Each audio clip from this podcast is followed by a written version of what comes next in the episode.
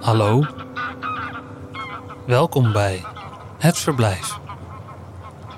Dag 81. Vandaag Willem Klaassen leest Plezier van A.L. Snijders. Ik keek door het keukenraam over de besneeuwde velden. In de verte zag ik een haas zitten. Ik had menselijke gedachten over de harde grond en het bevroren gras.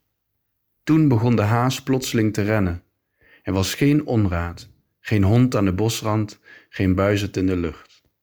Alles was grijs en stil. De haas rende in een rechte lijn, steeds sneller. Hij had er plezier in. Hij deed het voor zijn lol. Daar was ik zeker van.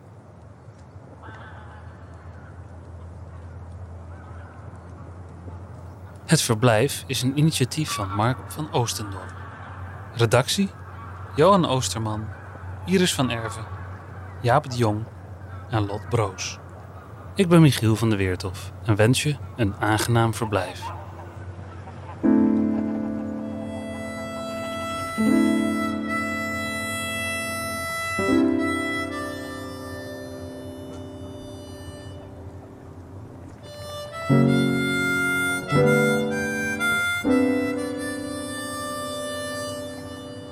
Tot morgen.